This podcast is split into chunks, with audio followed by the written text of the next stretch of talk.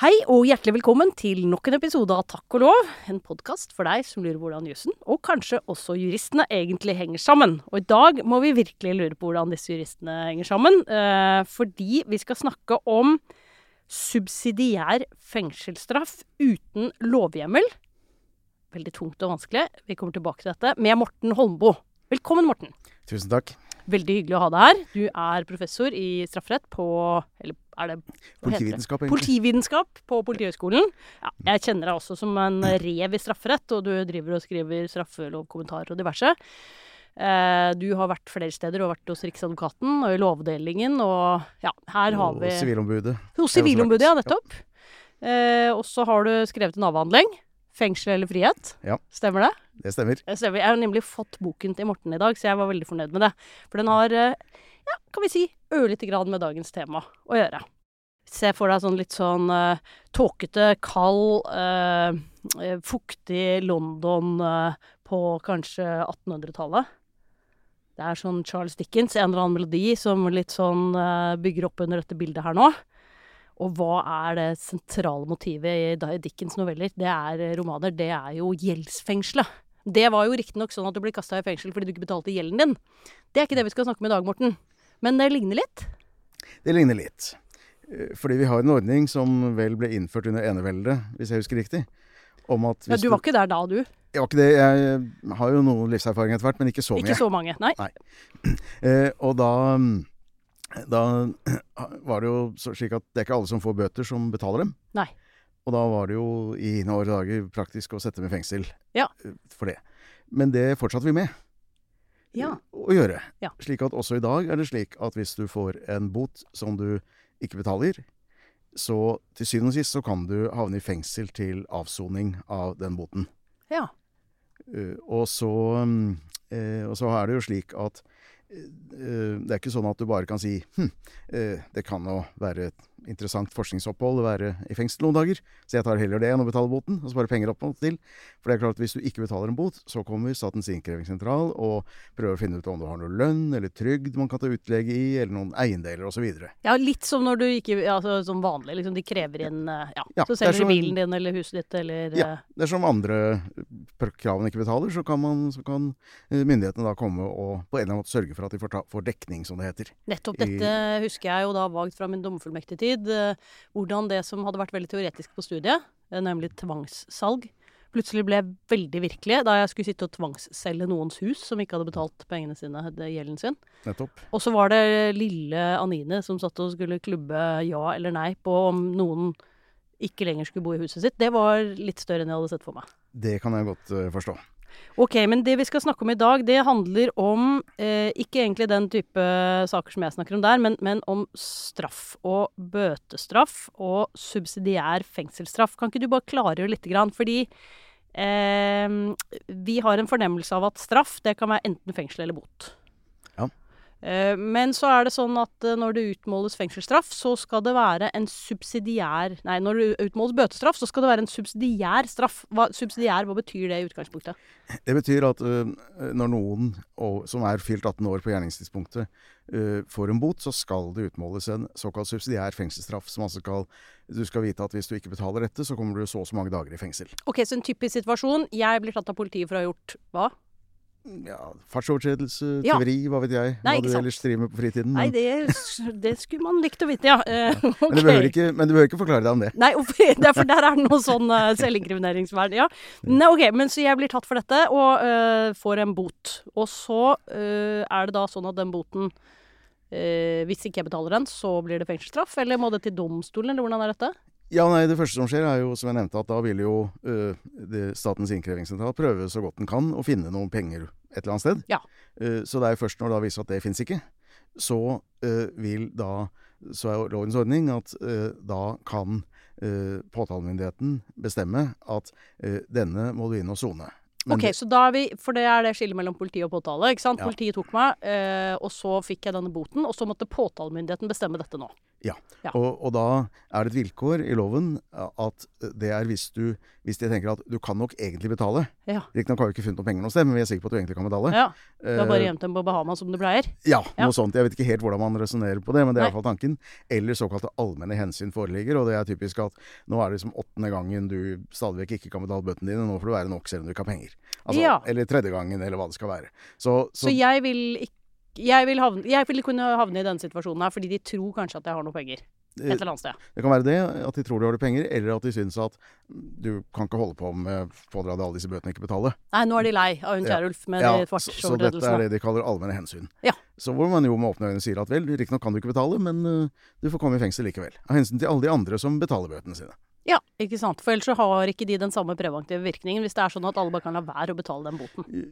Det er riktig, men det blir jo akkurat som å ikke betale en del andre krav. Det er jo det er veldig, De aller fleste krav, også tilleggsskatt, er jo slik at du du kommer jo ikke i fengsel for ikke å betale, men, det blir veldig dyrt å ikke betale med en gang. For det kommer jo renter og gebyrer og litt Ja. forskjellig Det var det. på det. Så, det. så det er jo ikke noe Det er veldig mange andre krav det offentlige har, hvor eh, man jo ikke har noe slik ris bak speilet. Nei, det er sjelden du kommer i fengsel der, ja. For da var vi egentlig tilbake i gjeldsfengselsproblematikken på ordentlig. Nettopp. Ja. Ok, og øh, øh, da sa du at det var et utgangspunkt her.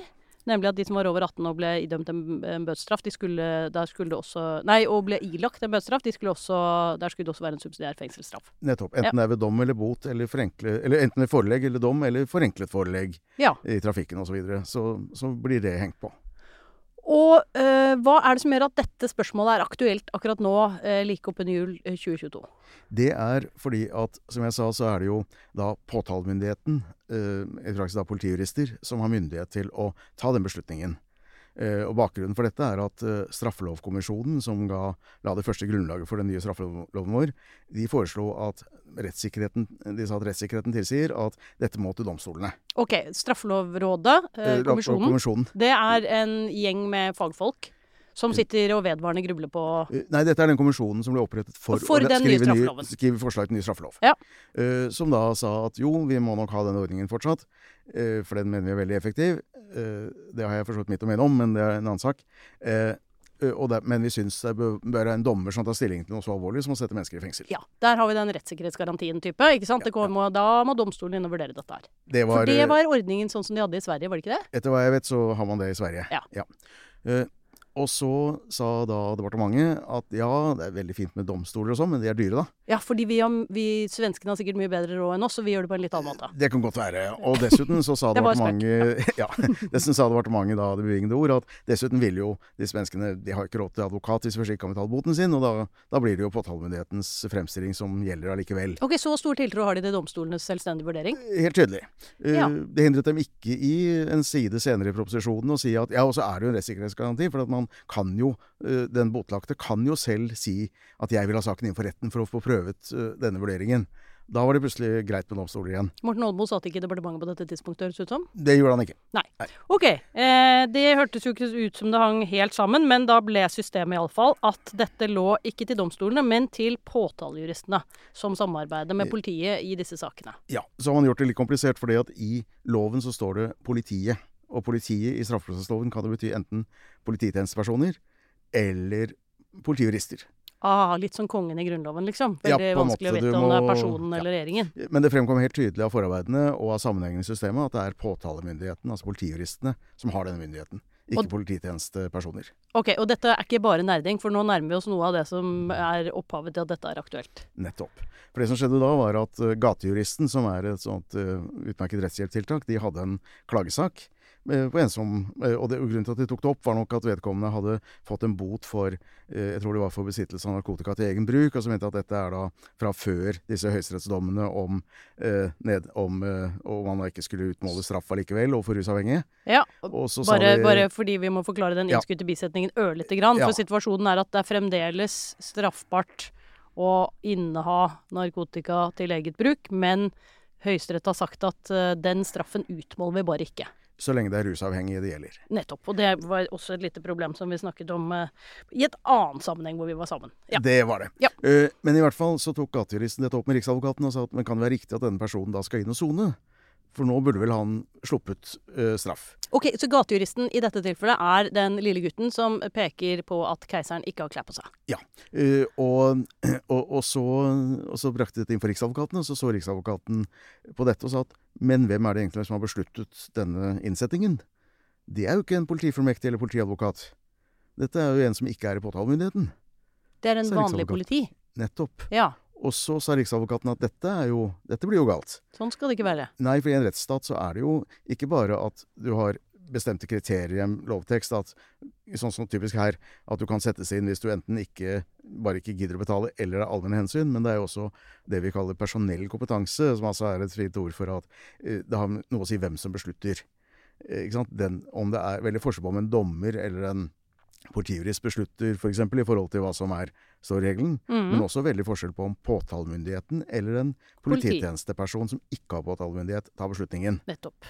Uh, det er litt fordi at juristen da antagelig enda lettere kan skjønne straffeprosessloven, men også polititjenestepersoner kan jo, mye, kan jo en god del straffeprosess. Men dette har med hvem som får myndighet. Ja, ja, det er fordelingen. Rett og slett. Ja. Så det blir jo som hvis du eller jeg, som jo begge er jurister, plutselig begynner å skrive ut Bøter. For, bøter eller forelegge hva det skal være. Det fint. Ja, det, det, og, og, vi kunne jo sikkert klart oss greit som politijurister, men vi, det blir jo ikke gyldig av den grunn, selv om vi Nei. egentlig syns vi er ganske flinke til det.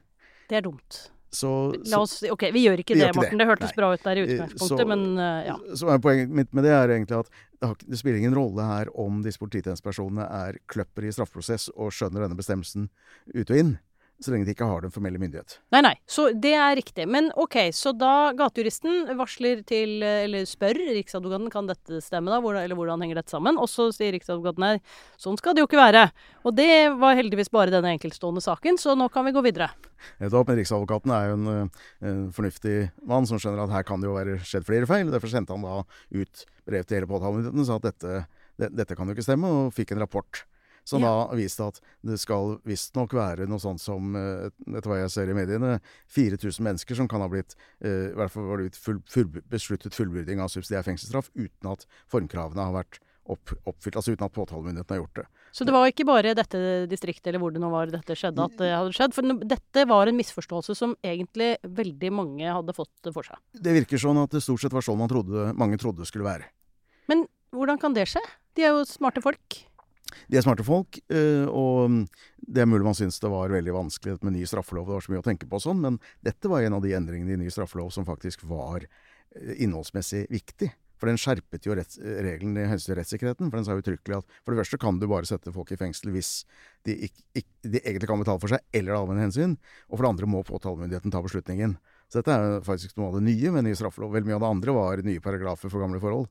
Ja. Så, så, men det var det ingen som oppdaget. Hvor, hvor, OK. Eh, eh, nå føler jeg meg veldig dum, men hvordan kan sånt skje?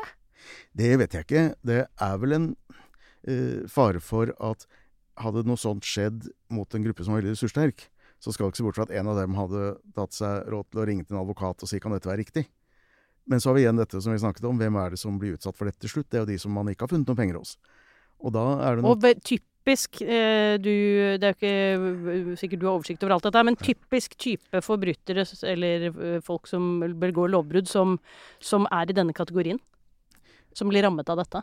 Dette vil nok veldig ofte være ikke har, eh, hvis du ikke har trygd og ikke lønn, Iallfall ikke nok trygd til at det er forsvarlig å ta noe. For vi har jo også en side at vi har jo en regel om at du kan jo ikke ta all, alle pengene fra folk for å dekke krav, heller ikke bøter.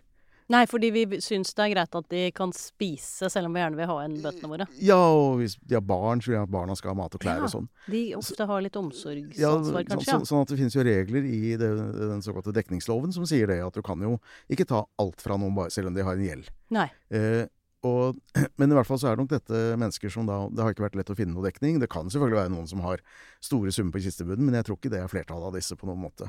Dette er nok eh, Eh, uten at jeg har sett direkte statistikk på det, men så kan man tenke at dette er antagelig folk som gjør en del ganske sånn små ting. Og, og f.eks. hvis det handler om narkotika, så betyr det at det er ganske små ting. For at du skal ikke eh, håndtere veldig mye narkotika før det oppfattes som f.eks. som mer alvorlig narkotikaforbrytelse, for du jo vil få en strengere straff enn bot. Ja. Så så Derfor så er det nok antagelig de mest utslåtte som stort sett er rammet av dette, selv om man ikke skal utelukke at noen selvfølgelig kan ha vært i en posisjon som egentlig har hatt det greit, og, så, og, og som har det gått, så har de likevel kommet inn her, men det, det kan må være bare noen få små unntak. Noen få unntak. OK. Um, og hva, uh, hva gjør man med dette nå, da? Ja, nå har, eh, etter hva jeg skjønner, så har Riksadvokaten fått tilbake denne rapporten. At vi viser at dette har vært sånn mange steder. Ja. Og så har det vært spørs, stilt spørsmål i Stortinget fra um, Ingvild Wetterhus Storsvik i Venstre og til justisministeren hva hun vil gjøre, og hun sier at det er jo påtalemyndigheten som håndterer dette, og det er jo det er formelt korrekt, men, men det er jo Jeg syns nok det er eh, litt avslappet å si at her får man jo bare sende søknad til Statens sivilrettsforvaltning om erstatning, for dette vil jo være mennesker som kanskje ikke er alle har, de har neppe så veldig tilgang til frie advokattjenester, kanskje noen. Men det, det krever jo litt faktisk å sette seg ned og skrive et sånt brev. Og, og dette, så etter min mening så burde nok her eh, myndighetene ta ansvar for å si at her har det skjedd ganske alvorlige feil. Eh, etter mitt syn er det antagelig menneskerettsstrider, rett og slett fordi at det står i, eh, i konvensjonen at man skal fengsle folk bare etter en prosedyre fastsatt i lov. Her er det fastsatt i lov at påtalejuristen skal ta beslutningen, og det skal vurderes de og de momentene. Mens det jo ikke er skjedd. Ja, det er jo grunnlovsstridig også, da. Eh, ja, det, det er eh, Antagelig er det det. Ja. Og, og, og derfor så vil det jo Etter min mening er det såpass eh, store feil og så systematiske at her bør man rett og slett ikke sitte og vente på at disse de, de, disse eh, botlagte folkene som har fått bøter, skal selv komme på at de kanskje skal skrive et brev til sivilrettsforvaltningen og bare penger, men at man bør gå gjennom og se på sakene. Og det bør være nok, etter min mening, at man ser har påtalemyndigheten truffet beslutningen, eller har påtalemyndigheten ikke gjort det. Har påtalemyndigheten ikke gjort det, men man har gjort et rettsbrudd allerede. Selv om man kanskje etterpå kan si at jo, jo, men akkurat han skulle inn øh, Kunne vært tatt, satt inn etter hovedreglene i loven. Eller etter reglene i loven. Det høres jo nesten, uten å sammenligne noe lenger, hva heter det, mutatis mutandis, eh, enn det som det er dekning for her. Men, men det er jo nesten litt sånn ny Nav-skandale. Ja, det er det. Og fordi at man, man øh, De kan jo ha sittet ganske lenge i fengsel. Det er, det er, det er i hvert fall en, en del uker. Og alt fra noen dager til noen uker. Og, og, og her er det ganske mange flere, faktisk. Så nå skal det sies at eh, forskjellen fra Nav-saken er at der kom man jo til at her har du faktisk ikke gjort noe straffbart i det hele tatt. Det er, men, her, men det er ganske likt fordi at eh, det, Jo, men her, her, har man gjort noe straffbart, men man har allikevel ikke hatt hjemmel til å sanksjonere dem på den måten de blir, da. Nettopp. Og, og det er også viktig å huske at i, i bunnen her ligger et straffbart forhold som ikke er mer alvorlig enn at de kunne få en bot, og ikke fengsel. Nei. Skulle de vært dømt i fengsel, så måtte vi hatt det i domstolene. Her er det jo veldig mange av disse sakene vil antagelig være løst ved såkalt forelegg, som påtalemyndigheten har skrevet ut. Så det har antagelig aldri vært i nærheten av en, av en dommer, f.eks. Og ja, nettopp. Og det er klart det, det å sette folk i fengsel for, et, for at de egentlig skylder penger, og så, og så gjør du det da ikke på riktig måte engang, og verken med riktig person eller ikke nødvendigvis vurdere lovens kriterium, så er det klart vi er veldig nær eh, samme situasjon, og veldig mange flere mennesker faktisk enn de som ble rammet av Nav-skandalen. Det er jo, dette er jo egentlig Det er jo rart at det ikke har vært mer oppmerksomhet om det. Det har jeg jo sett at det er litt, men eh, Det kommer vel nå noe i, i, i disse dager. Eh, Jeg har i hvert fall hatt et par henvendelser fra Ja. pressen de siste dagene, og sikkert andre som har hatt det også. Så det, men eh, det er jo viktig her at det holdes trykk på dette, og jeg tenker nok at det er viktig at uh, også kanskje Stortinget fortsetter å stille justisministeren ansvarlig. For det er riktig at påtalemyndigheten har ansvaret for selve, selve feilen, men det er klart det er, det er jo justisvesenet som her må på en eller annen måte rydde opp i det. Men er det påtalemyndigheten som har ansvar for selve feilen, når det er politiet som har gjort det? da? Hvordan er dette her, egentlig? Det er et godt spørsmål. Det avhenger veldig av hva som har skjedd. eh, Men man skal vel Jeg, har ikke gått dypt i dette, og jeg har ikke sett, jeg har ikke sett rapportene osv. Men man kan jo se for seg at kanskje påtalemyndigheten burde stusset over at den aldri fikk sånne saker selv. Men det er mulig man har oversett det. Men i hvert fall, i, det kan også Det avhenger litt av hvordan feilen har skjedd. Ja. Om dette har gått helt Om det er eh, i prinsippet Politidirektoratet eller eh, og da, og da departementet, eller om det er Riksadvokaten som skulle, og, og påtalemyndigheten som skulle oppdaget det.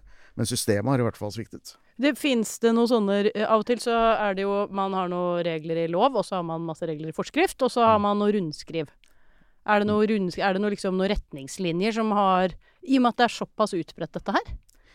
Eh, det vet jeg ikke, men fall, man kan vel i hvert fall uh, våge seg til påstanden at kommunikasjonen av denne egentlig ganske viktige lovendringen, uh, som jo gis nettopp for å unngå å belaste domstolene, så kan man vel spørre seg om det har vært godt nok kommunisert til, uh, til politiet som sådan. Det være seg både tjenestepersonene og politijuristene. Ja, og hva kommer da For, for, for sånne kommunikasjoner eh, hvor det, Utgangspunktet her er jo at når en eller annen regel blir vedtatt, så gjelder den. Og da må både de som skal håndheve den, og de som Oss vanlige folk, det er vår tur nå, eh, vi må innrette oss etter den. Og det er jo ikke sånn at vi sitter og leser det lovverket hele tiden, men, men det ansvaret er vel større på håndheversiden, tross alt? Det er klart at den som faktisk eh, i embets medfør bestemmer at noen skal i fengsel, Ja. har jo en sterk forpliktelse til å sjekke at man faktisk har lov til det man gjør. Ja, Det skulle man jo tro. Det skulle man tro. Ja. Så om hvordan dette har fungert i praksis, om, om politijuristene har på en måte nærmest overlatt dette til tjenestepersonen i den tro at de kunne gjøre det, eller om man bare har fortsatt en tidligere praksis uten å oppdage at praksis skulle legges om, det har jeg ikke noe eh, innsikt i. Men det er klart at når eh, rettssystemet, eller, eh, eller politi- og påtalesystemet, eh, treffer beslutninger som gjør at mennesker berøves friheten, eh, da har man et stort ansvar for å søke at man faktisk har lov til det man gjør. Ja, det høres eh, definitivt sånn ut. Ok, og hva eh, gjøres nå for å rydde opp? Du, du snakket om at eh, Riksadvokaten hadde snudd seg relativt raskt her, og prøvde Ja. å få oversikt over situasjonen iallfall. Det mm, tror jeg var veldig, veldig raskt, og, og, og de, har, de har jo ikke sluppet saken ennå. Så, så det jeg ikke vet, er hvordan staten eh, vil forholde seg til dette spørsmålet om erstatning. Og etter min mening så det, det er alltid en diskusjon. Dette har forvaltningen plikt til aktivt å rydde, lete etter egne feil, eller skal den vente på at noen klager på dem? Ja. Eh, og jeg må nok si at jeg syns at når det er skjedd store feil systematisk mot antagelig stort sett ganske ressurs, eh, mennesker med få ressurser, så syns jeg det må i hvert fall være et moralsk krav, og kanskje også et juridisk krav, at staten faktisk ikke bare sitter og venter på, eh, på at posten kommer og ser om det kommer noen, noen krav i posten, men at man også rett og slett aktivt går ut og leter. Og her vil det jo være relativt overkommelig, egentlig, å bare gå gjennom sakene. Du kan jo rett og slett se på hvem, hvem har truffet beslutningen i den enkelte sak. Det er ikke så vanskelig. Det er mange saker, men det er fordi man har latt det gå altfor lenge. Hvor mange er det? Sånn, har du sånn røffelig oversikt? Eh, Det som jeg så i mediene, jeg har ikke, jeg har ikke klart å finne noe fra Riksadvokaten på det, men et VG-oppslag VG-oppslag i går gikk vel ut på at det kunne være, eller for et par dager siden kanskje, så kom vi ut på at, at det kunne være 4000. Det kan også være noen der som har, mange der som har såkalt bøtetjeneste. For det er også noe man kan få istedenfor. Hva er det for noe? Det er noe hvor, eh, hvor man, hvis man får denne beslutningen om at nå skal du i fengsel for denne boten du ikke har betalt, Ja. så kan eh, kriminalomsorgen da beslutte med ditt samtykke at du kan få avtjene en såkalt bøtetjeneste isteden. Er det en slags samfunnsstraff, liksom? minner, om, minner om samfunnsstraff i innholdet. ja. Eh, men, men det er klart at er, men allikevel, så selv om det har skjedd, og forhåpentligvis har det skjedd i ganske mange saker, så er det likevel en bøtetjeneste som gjøres under trussel om fengselsstraff. For at du samtykker jo til dette, eh, denne typen tjeneste fordi at ellers så kommer du i fengsel. Ja. Eh, og dessuten så er det jo slik at eh, en, i det vanlige hierarkiet så vil det jo si at det å få samfunnsstraff er en strengere straff enn å få bot. Regner man vanligvis Ja. med. Slik at det er jo en strengere reaksjon enn bot allikevel. Også denne bøtetjenesten. ja, det er sant. Så du kommer inn i den samme problemstilling på den måten, ja. Det gjør det, men uansett er prinsippet at her er det truffet da Det er det en ugyldig beslutning om, å, om at uh, den og den personen skal sone fengselsstraff, som gir da kriminalomsorgen den posisjonen hvor de sier at nå kan du velge, vil du ha bøtetjeneste eller vil du ha fengselsstraff? Ja, så, Også, det, så problemet oppstår i grunnen på samme sted. Eh, Ja, for feilen ligger jo i det er Uten den beslutningen så har ikke kriminalomsorgen uh, noe det, Kriminalomsorgen har ikke andre saker på dette enn de de har fått fra, eh, fra politiet. Med ordre om fullbryting. Ok, og så er det da, som du sa, eh, det ble eh, hun eh, eh, Ingvild eh, fra Venstre, som jeg nå ikke husker etternavnet på. Vetre Storsvik? Ja. Jeg vet det, Storsvik, ja. Um, stilte dette spørsmålet til justisministeren, som sa her, dette har vi ordninger for. Hvis til Statens sivilrettsforvaltning og muligheten for å søke erstatning. Ja. Hvor mye erstatning kunne man fått, hvis vi bare tar det først, sånn for å sone sånne Det er vanskelig å si, men eh, straffeprosessloven gir jo åpning for erstatning ikke bare når du er frifunnet etter straffeforfølgning, men også når du er fengslet i strid med menneskerettighetene. Og etter min syn så er det mye som taler for at når man setter folk i fengsel uten behørig hjemmel i lov, så er det et ganske tydelig menneskerettsbrudd. Ja. Eh, og da finnes det jo egne satser for at så og så mange døgn får du så og så mange penger for, Ja. osv. Jeg har ikke noe full oversikt over detaljer, men det vil være naturlig å se på det omtrent som i hvert fall Man vil i hvert fall få like mye som eh, som man ville fått for en var varetektsfengsling som medførte at man ble som etter, og så ble frifunnet, f.eks. Og kanskje, og kanskje mer, siden tross alt det er et menneskerettsbrudd i dette. Når du settes i varetekt på lovlig vis og frifinnes, så har det skjedd noe fælt med deg, men det er ikke noe rettsstridig, og det er en del av på en måte en, det er en slags, uh, slags tanke at da får staten betale, eller samfunnet betale kostnaden, men her er det jo i tillegg et rettsbrudd. Ja. Nettopp. Eh, og det uh, har da foreløpig blitt besvart på denne måten her. Men, uh, og da er vi tilbake litt til, som du nevnte i sted, dette er antageligvis en gruppe som ikke har supermye ressurser verken til å engasjere advokat, er jo én ting, men heller egentlig å skrive sånne brev. Det er rimelig å anta det. Ja. At, fordi at vi som oppsett, skriver ting hver dag, kan jo tenke meg Men det er ganske stor For det kan man jo høre om det. Ja, ja, ja. Og, og, og, og det er klart mange av disse vil kunne ha sine problemer i livet som gjør at det, grunnen til at det ikke var noe særlig penger å hente. Eh, og, og man skal høre om det. Man skal orke å finne fram til hvordan gjør jeg dette. Hva er sivilrettsforvaltningen? Hvordan Altså, kunne det vært gjort isteden? Jeg ville tenke at siden den aktuelle feilen Altså, man, man, man Selvfølgelig mange tilfeller kan jo man også si at kanskje har ikke engang lovens det vi kaller materielle vilkår, altså betalingsevne, allmenn hensyn osv. vært vurdert, men det er jo feil nok i seg selv at det var feil person. Altså ikke Ja, ja. en politirist. Så ikke, da tenker jeg man kan gå gjennom sakene. Nå, nå har de jo akkurat gjort det. Ja. Så kan du si at i sak, sak eh, sånn og sånn og sånn, så var det en, en polititjenesteperson, eller også vise at det var i et distrikt, så var det jo da heller ikke, ikke folk med politiutdanning, men også administrativt ansatte, som gjorde dette. Så da kan du bare si at er det en politijurist som har truffet den beslutningen? Eh, ja vel, fint, da får vi se om det har vært gjort riktige vurderinger. Nei, da legger vi den bunken. Ja, da er den avklart allerede på det personelle. Jeg kan ikke se at det er noe At man vil gjøre, gjøre det vanskeligere enn det. Nei.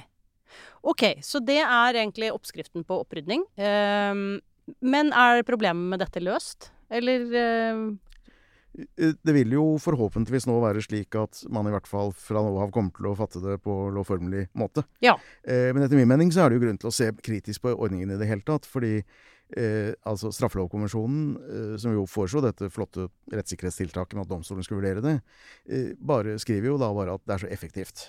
Og Statens innkrevingssentral skrev i sin høringsuttalelse at det var, jeg tror det var 77% av de som fikk innkalling til soning, som viste seg plutselig å betale allikevel, enten før soning eller i løpet av soning. Sånn at de, før løslatelse. OK, og da har vi en situasjon hvor de har blitt ettergått eh, mm, på alle, etter alle kunstens regler for å få på plass de penga. Ja. Og så kommer ikke de penga, og så er du like på veien i fengsel, og da betaler de. Da betaler de. Og da kan man jo spekulere. Eh, Er det sannsynlig at man plutselig har fått seg en helt vanlig jobb og begynt å betale skatt og sånn? Da vil jo Statens sikkerhetssentral for så vidt finne pengene allikevel. Ja, kanskje man sprettet opp madrassen bare akkurat da, da. Det kan jo være det, selvfølgelig. Ja. Eh, og eh, selvfølgelig noen kan ha hatt noen, noen penger liggende i madrassen som man klarte å skjule for eh, innkrevingssentralen. Det er neppe mange.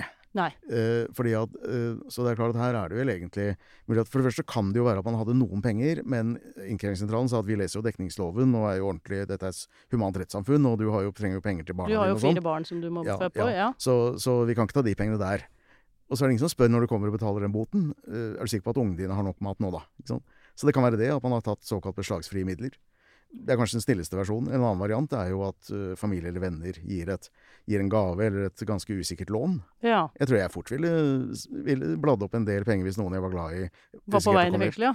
Ja, uansett. Kanskje at kredittrisikoen ville vært ganske stor, så ville jeg nok lånt, lånt eller, gitt, eller gitt bort de pengene. Ja. Ikke sant? Sånn at da, men da rammer jo straffen ved siden av. Da rammer jo en person som ikke har begått et straffbare forhold. Eh? Da, Så man må egentlig ha en gjennomgang av hele systemet her. etter min mening. For i tillegg så er det selvfølgelig en fare, og dette er ikke mine ord, dette sa Høyesterett i en sak hvor de avsto fra å gi bot, og ga heller, eller heller gi fengsel, for de sa at det er ikke noe vits i å gi bot, for da vil de jo bare i, best fall eh, begå ny kriminalitet for å betale boten. Eller får de, soning, sa Høyesterett i en dom i 2005. Og, og det tror jeg Nå er vi tilbake i avhandlingen din litt. nå er vi tilbake i avhandlingen min. Ja. Alt det jeg har sagt nå, var egentlig tilbake i avhandlingen min. Eh, men nei, at det er jo en betydelig risiko. For det er klart at en del mennesker som da pådrar seg bøt, ganske mange bøter etter hvert, enten for narkotikabruk, da, som kanskje ikke er så aktuelt lenger nå for de som er avhengige, i hvert fall, men dog småtyverier, hva det skal være, og du plutselig må ut med kanskje 10 000 kroner for å slippe å komme i fengsel. Hvordan skaffer du dem? Det er en betydelig risiko for at det blir begått mer kriminalitet, enten narkotikasalg, tyverier, hva, hva det skal være. Eh, og så er det selvfølgelig mulighet for prostitusjon og slikt. Altså det er jo, men når man tenker seg at Statens innkrevingssentral tross har prøvd såpass grundig som den antagelig har, så er det jo ikke så mange helt greie måter å skaffe penger på som, ikke, som man plutselig har kommet på etter at man i kanskje lang tid har unngått innkrevingssentralens grep. Nettopp. Så jeg mener vel at det er en betydelig risiko for at dagens ordning fører til mer kriminalitet. Og strafferetten skulle jo faktisk føre til mindre kriminalitet. Eh, Det er jeg jo helt enig i. Eh, Og det er jo kanskje sånn Av og til er det hva er det, ad astra per aspera. At sånne kriser eh, som dette her kan gjøre at man tenker litt ordentlig gjennom ting på nytt. Ikke bare på det som har gått gærent, men også på det som burde vært bedre i utgangspunktet. Jeg syns dette kan være en god anledning til å tenke ordentlig igjennom det. For jeg kan ikke se noe i forarbeidet at man diskuterte dette effektivitetssynspunktet. Altså Det er effektivt på kort sikt å si vi fikk flere penger i den enn vi ellers ville fått. Men ingen, ingen spurte egentlig hvor kom disse pengene fra. Og det Nei. tror jeg er en ganske, Så nå, nå først liksom uansett må tilbake til tegnebrettet, så tenker jeg jo at, øhm, at det er god grunn til å, å, å, å gjøre det litt ordentlig og tenke en gang til på om dette virkelig er en hensiktsmessig måte å løse innk statens innkrevingsproblemer på. Ja, og kanskje særlig i en tid hvor eh, forskjellene i Norge øker. Og hva er det de sier på radioen eh, i alle kanaler om dagen? Det er dyr tid. Det er dyrtid. Og, øhm, øh, og det Ja da, og det er klart at her kan Det er ikke sånn at jeg sier at alle som betaler på vei til fengsel har begått masse kriminalitet, men det er i hvert fall en fare for at en del av dem har det, og eventuelt da som andre måter man kan ha straff på som, som ikke var meningen. Så det er i hvert fall Så jeg tenker Hvis man tenker effektivitet i forhold til et formål, så tenker jeg at effektivitet i Jeg tror ikke dette er effektivt i forhold til straffens formål. Ikke effektivt i forhold til straffens formål, og antageligvis har en god del andre sosiale konsekvenser, som eh, de som eh, må se langt etter gylne fallskjermer. Eh, Det, føle på kroppen. det er klart at her vil det være På en eller annen måte så vil det ha rammet Kanskje i beste fall eh, familie og venner av, av den botlagte, men det er ikke sikkert de har så mye Det er ikke sånn Det er prinsipielt galt at straffen rammer feil person, og det, det kan jo også være Det er ikke sikkert at de har masse penger å, å gå på, de heller. Men, eh, men uansett vil det ramme Eller kan ramme, ja, kan ramme mennesker i en vanskelig livssituasjon på en altfor hard måte. Hele dagens episode er jo en slags uh, har du hørt, vil jeg si. Altså dette er jo virkelig noe alle burde ha hørt og tenke ordentlig gjennom, og kanskje særlig departementet som skal rydde opp i, i reglene til slutt. Um, men vi inviterer jo også våre gjester til å snakke om, har du hørt i en, eh, hva skal vi si, litt kortere og mer personlig variant. Uh, hva mener du vi burde ha hørt, Morten? Ja, burde ha hørt og burde ha hørt. Jeg har vel i hvert fall tenkt på en, en gang jeg da faktisk da ankom et møte per fallskjerm. Ja vel? Eh, Og det var rett og slett Jeg var på For jeg nevnte i sted hvor jeg, jeg også arbeidet eh, i perioder i Polaravdelingen i Justisdepartementet, som var et veldig morsomt sted å, å Ja. jobbe. Og vi var på et møte i den såkalte Antarktiskomiteen på New Zealand. Og så, mm, og et, og så var jeg 14 dager i Christchurch, og der var det en, viste at en kollega fra UD som Og jeg, vi hadde begge gått med, med en drøm om å få hoppe i fallskjerm. Ja. Og der var det da et sånt firma som tilbød sånn tandemhopp. Vi behøvde ikke hoppe i samme fallskjerm, da. Det, og det er ikke sånn med tandemhopp at de da sender ut to rookies. Nei. Nei, vi slapp den. Ja. vi, vi, så vi bestilte det, og så ble det til at det var eneste gang det var mulig, var da det er sånne konferanser, så er det jo sånne lange lunsjer, for da skal man få tid til å løse alt det man egentlig ikke klarer å løse over forhandlingsbordet, skal Ja. man da løse over lunsjbordet. Så vi brukte da også lunsj, lunsjen heller da til å bestille en sånn fallskjermtur, så vi dro ut øh, og øh, vi dro da ut på en sånn tandem, en tandemopptur, men så hadde det seg slik at den norske delegasjonen var invitert til øh, museet Crashers for å overlevere en modell av, av Fram, tror jeg det var. Ja. Eh, til, eh, som noen hadde laget og sendt med oss som en gave til dette, dette, dette museet. Og, og så var det sånn helt på slutten av lunsjen, så vi fikk samtykke fra delegasjonslederen. Og vi kan, vi kan komme direkte, vi. Ja. Så vi og, og det viste seg at dette firmaet skulle da lande De skulle avslutte dette hoppet i parken til museet i Christchurch. Så vi, så vi landet da liksom jeg, jeg skulle ønske det var rett på trappen, men i hvert fall det var kanskje noen hundre meter unna. Men vi landet og ble da kjørt bil bort sånn fra direkt, kom direkte per fallskjerm til, til møtet Fantastisk. Dere kom fram. vi, vi, vi kom fram. Så, øh, og jeg husker jeg bare spurte på forhånd er det noe jeg kan gjøre galt som kan Nei da, du kan ikke, du klarer ikke å gjøre noe galt. Da tok jeg sjansen. Nei, og jo, er det ikke sånn jo gærnere du er, jo bedre trening er det for de som hopper sammen med deg, omtrent? Ja, ja, Ja. ikke sant. Ja da. Nei, det er også dette øh, så, så da øh, Det er vel eneste gang jeg har vært noe i Jeg kan ikke si hva helt James Bond, men jeg kom i hvert fall i dress, i, i dress innenfor fallskjermdressen, da. Ja, fader, altså, dette skulle jeg gjerne sett uh, filmet, eh, Morten, men uh, du beskrev det så levende at, uh, at eh, det var bra. Eh, det var veldig bra å ha hørt. Takk skal du ha. Og tusen takk eh, for at du kom i dag. Dette har vært en utrolig tankevekkende episode. Jeg gleder meg til fortsettelsen. Og tusen takk for at jeg fikk komme. Alltid hyggelig å snakke med deg, og, og takk også til dere lyttere som uh, har lyttet gjennom uh, denne, hva skal vi si, litt mitraljøsepregede informasjonskanalen som uh, episoden vår er av og til, når den blir veldig ivrig, sånn som den er i dag. Og det er jo veldig gøy for oss at dere vil være med oss også. Tusen takk for følget gjennom hele denne sesongen, og riktig god jul! Og da er det tid for litt reklame. Morten Holmboe han har jo skrevet flere bøker, bl.a. lovkommentar til straffeprosessloven, som han har skrevet sammen med Erik Heiserud, Knut Erik Sæther, Hans Petter Jahre, Magnus Matningsdal og Jarle Golten Smørdal. Les Morten Holmboes bøker og artikler på juridika.no, ditt juridiske bibliotek. Og med Just Digital fra Juristenes Utdanningssenter så får du tilgang til markedets største portefølje av juridiske kurs. I det abonnementet så kan du plukke og mikse fra deres portefølje av levende juss. Det skal være enkelt å ta vare på sin egen kompetanse, mener de, og med Juss Digital så har du din etterutdanning tilgjengelig der hvor du er.